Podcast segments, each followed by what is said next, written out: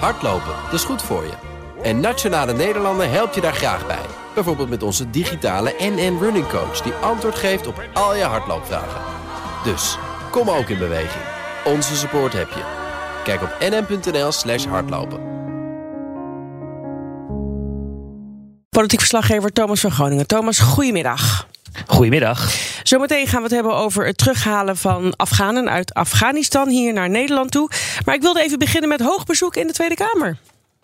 Ja, koning Willem-Alexander die, uh, die was er vanmiddag. Uh, die kreeg een rondleiding door onder andere de voorzitter van de Tweede Kamer, uh, Vera Bergkamp. En ja, hij mocht even kijken in de, in de nieuwe plenaire zaal. En hij heeft ook nog even gekeken, begreep ik, naar het kunstwerk dat daar hangt. Hè, met die kluiten waar iedereen het over heeft. Ja, hij zegt dat op tv, oh, dat is kunst. op tv wat zwaarder overkomt dan, dan in, in, in het echt. Dat, dat, nou ja, daar heeft wel een punt. Want in, in het echt is het wat ruimtelijker daarbinnen. Alhoewel het nog steeds heel krap is. Maar uh, op tv, omdat het natuurlijk helemaal de uitsnede van de camera is... als iemand ervoor staat, dan Ja, komt het heel heftig zo. over. Dat is in het, in het echt niet zo. En dat viel de koning ook op. Um, uh, maar hij was er dus. En uh, ook niet zo gek natuurlijk. Hè, want de tijdelijke Tweede Kamer is een, toch wel een, nou ja, een, een, vrij duur project geweest... van de, van de overheid, van het Rijksvastgoedbedrijf. 162 miljoen euro voor vijf en een half jaar Tweede Kamer. Dus dat, het is niet gek dat je dan de koning even uitnodigt...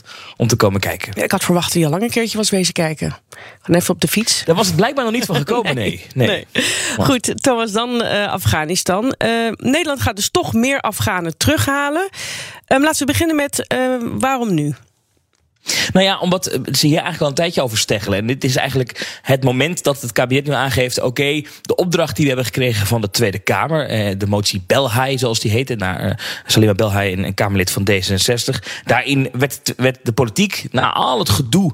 Eh, rondom eh, die evacuaties uit Afghanistan opgeroepen... om wat ruimhartiger, laten we zeggen, om te gaan... eh, met verzoeken uit Afghanistan. En eigenlijk de bottom line is... je moet veel meer mensen terughalen dan alleen tolken... die in Afghanistan voor Nederland gewerkt hebben. Dus je moet dan ook denken aan bijvoorbeeld koks, justitiële medewerkers, uh, beveiligers uh, en, en, ook mensen die voor NGO's, dus uh, goede doelenorganisaties, humanitaire organisaties daar gewerkt hebben. Ja. Ne- met een link met Nederland, die moet je allemaal terughalen. Maar dat was nogal een brede motie. En er was in de Tweede Kamer nogal vaak de vraag: ja, maar Joost Eerdmans was dan een, een beruchte vraag die hij stelde: ja, gaat iedereen die dan ooit een eitje voor Nederland heeft gebakken, mag die dan naar Nederland komen? Nou, nu heeft de Tweede Kamer gezegd: we hebben een soort van kader op, of, of het kabinet heeft gezegd, we hebben een soort van kader. Uh, en dit zijn de mensen die naar Nederland mogen komen. En als je alles bij elkaar optelt, komt dat neer op zo'n 2100 personen. Oké, ja, want ze hadden inderdaad tienduizenden mails binnengekregen. Dus ze moesten er nog een bepaalde selectie op toepassen, blijkbaar. Maar dan kom je dus inderdaad op een veel lager getal uit dan de 100.000 waar staatssecretaris Ankie Boekers-Knol die erover had. Ja, want dat was nogal een uitspraak. Hè. De, staatssecretaris in het AD was een interview waar veel om te doen was. Zij had het inderdaad over nou ja, 100.000, wat echt veel, een enorm aantal is. En als je kijkt naar het aantal e-mails dat binnen is gekomen, 35.000. Dat komt ook nog eens in de buurt bij wat Broekers Knol had gezegd. En je ziet ook meteen dat Kamerleden zeggen van, zie je wel, dat was bankmakerij. Dat was niet nodig. Nou heeft uh, mijn collega Sophie, de andere politiek verslaggever, die heeft de demissionair minister van Buitenlandse Zaken, Ben Knapen, even kort gesproken. En die zei dit op die vraag. Van ja, wacht even, wat betekent dit nou ten opzichte van het getal dat Ankie Broekers-Knol noemde? Ik denk dat wij uh, de afgelopen weken, kijk, in politiek Den Haag misschien gedraald hebben. Uh, maar je hebt een politieke werkelijkheid in Den Haag en een veel belangrijkere werkelijkheid in Afghanistan. Ik ga collega's niet recenseren, ik doe gewoon mijn werk. Ja, ik doe gewoon mijn werk. Maar je merkt wel dat het interview is ook uh, in het kabinet niet goed gevallen. Dat hebben we nee. achter de schermen wel kunnen proeven. Uh, en nu uh, wordt er een beleid uitgestippeld waar misschien Broekers Knol het persoonlijk niet mee eens is. Maar het gaat wel gebeuren dus dat er zo'n 2100 mensen ja. naar Nederland mogen komen. En is het dan mogelijk voor jou als journalist om te checken um, of die selectie klopt? Die, die ze hebben gedaan? Of dat er nu wellicht toch nog mensen achterblijven die, die ook mee hadden moeten komen? Of is, is, dat gewoon, is dat gewoon echt niet te doen?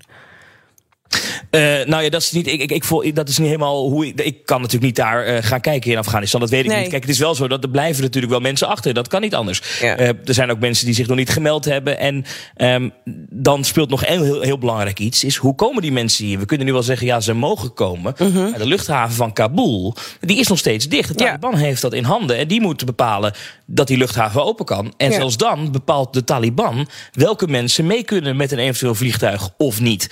Um, en dat wordt nog een hele discussie de komende tijd. Hoe ga je dat dan praktisch aanpakken.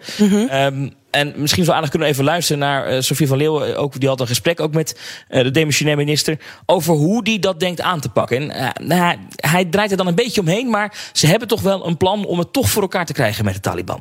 We weten het niet precies, want we zijn samen met de organisaties en met Defensie aan het kijken. We hebben daar ook criteria voor opgesteld. schatten we dat dat zal zijn zo rond de 14, 1500 mensen. Dus dan wordt het alles bij elkaar, zouden het zo rond de 2000 mensen betreffen. Is dit het dan? 2000 mensen wilt u naar Nederland halen? Het worden er niet stiekem nog meer? Nou, stiekem, dat is hier sowieso niet de bedoeling, denk ik. Uh, dus uh, dat gaan we niet doen. Geldt dus niet voor de broodjessmeerders, de mensen die een ei bakten, hè, zoals sommige mensen in de Tweede Kamer het formuleren? Waarschijnlijk niet. Uh, maar het is de criteria die voorzien in, laat ik zeggen, een publieke, zichtbare functie. Iemand die uh, les heeft gegeven voor klaslokalen, uh, over emancipatie van vrouwen, over mensenrechten. Die staat in een andere positie ten opzichte van de Taliban dan iemand dat dat niet heeft gedaan. Dus wij moeten natuurlijk uh, kijken wat de criteria zijn die zinvol zijn. En dat doen we ook in goed overleg met de hulporganisaties. Iemand die voor de klas staat en hoofdkostwinnaar is van een gezin van 50 mensen. Mogen die ook komen? Blijkbaar niet, hè, als ik deze cijfers zie. Een gezin van 50 mensen, daar moet ik me even iets bij proberen voor te stellen. Families? Ja, nee, ik, ik, we hebben het steeds over, ten eerste over kerngezinnen. Garanties hebben wij uh, van niemand gekregen dat uh, dit allemaal goed gaat aflopen. Wij zijn bezig om te kijken of de Taliban uh, respect wil tonen voor de afspraken die wij proberen te maken. Voor mensen waar wij een zorgplicht aan hebben. Maar uh, we zijn in overleg, andere landen zijn in overleg om te kijken in hoeverre zij bereid zijn mee te werken. De ene dag hoor je iets positiever nieuws, de andere dag hoor je negatief nieuws. Het positieve nieuws eind vorige week was bijvoorbeeld dat er weer wat paspoort worden uitgereikt. En zonder paspoort is het op dit moment eigenlijk onmogelijk voor mensen uit Afghanistan om het land te verlaten. Ja, dus de minister van, van Buitenlandse Zaken. Thomas, ja, die motie waar je het eerder over had, hè, die motie Belhaai, daar was hier de aanleiding voor. Uiteindelijk is die selectie gemaakt. Is de Tweede Kamer nu tevreden? Nou, wat je hoort is dat men toch wel gematigd positief is. Uh, in ieder geval blij dat er nu echt stappen gezet worden. En dat het kabinet dus toch meer mensen gaat halen dan lange tijd werd gedacht. En dat de puinhoop die het toch was, dat men dat echt wel probeert op te ruimen. Maar uh, Salima Belhai, de indiener van de motie uh, van D66, die zegt ook dat ze de komende tijd toch wel in de gaten gaat houden of het kabinet. Ze gaat er scherp op letten uh, of al die personen die onder die motie vallen ook ja. daadwerkelijk asiel krijgen hier. Ja. en bijvoorbeeld Kati Piri, Kamerlid van de Partij van de Arbeid, ook iemand die echt dit dossier heeft aangejaagd. Die zegt ja, het heeft lang geduurd, maar er is nu duidelijkheid voor de mensen die in doodsangst achter zijn gelaten. En dat okay. is nu even het belangrijkste, maar het laatste woord is hier nog niet over gezegd. Nee, want ik, ik, daarom haalde ik het ook eerder bij jou aan. Hè. Je moet wel, er moet gekeken worden naar, klopt het allemaal natuurlijk wat, uh, wat ze daar doen. Dat is onder andere de taak van de Kamer. Dus ze zullen daar dus bovenop blijven zitten, begrijp ik. Ja, kijk, ze kunnen nu een getal noemen, zoveel willen we er halen. Maar ja, dan moet het nog wel lukken. En dat, ja. ja dat, de uitvoering, dat is een typisch Haags ding. Maar je kan iets bedenken, maar dan moet je het ook nog uitvoeren. Nou, tot slot de formatie, Thomas. Die is namelijk ook, dat gaat ook nog gewoon door. Uh, we hoorden dat er een goede start is gemaakt. Maar wat hoor jij er verder over? Ja, dat er toch nog wel veel moet gebeuren. En, en um, uh, de partijen zijn heel gesloten over de inhoud. Over wat daar nou achter de schermen precies gesproken besproken is. Wat ik wel durf te zeggen, naar aanleiding van een belrondje dat ik net heb gedaan, want ze zijn net naar buiten gekomen, hè, de, de vier partijleiders van VVD, CDA, D66 en de ChristenUnie, uh, is dat er nog geen, op geen enkel onderwerp echt een knoop is doorgehakt. Men is echt nog in een voorbereidende fase.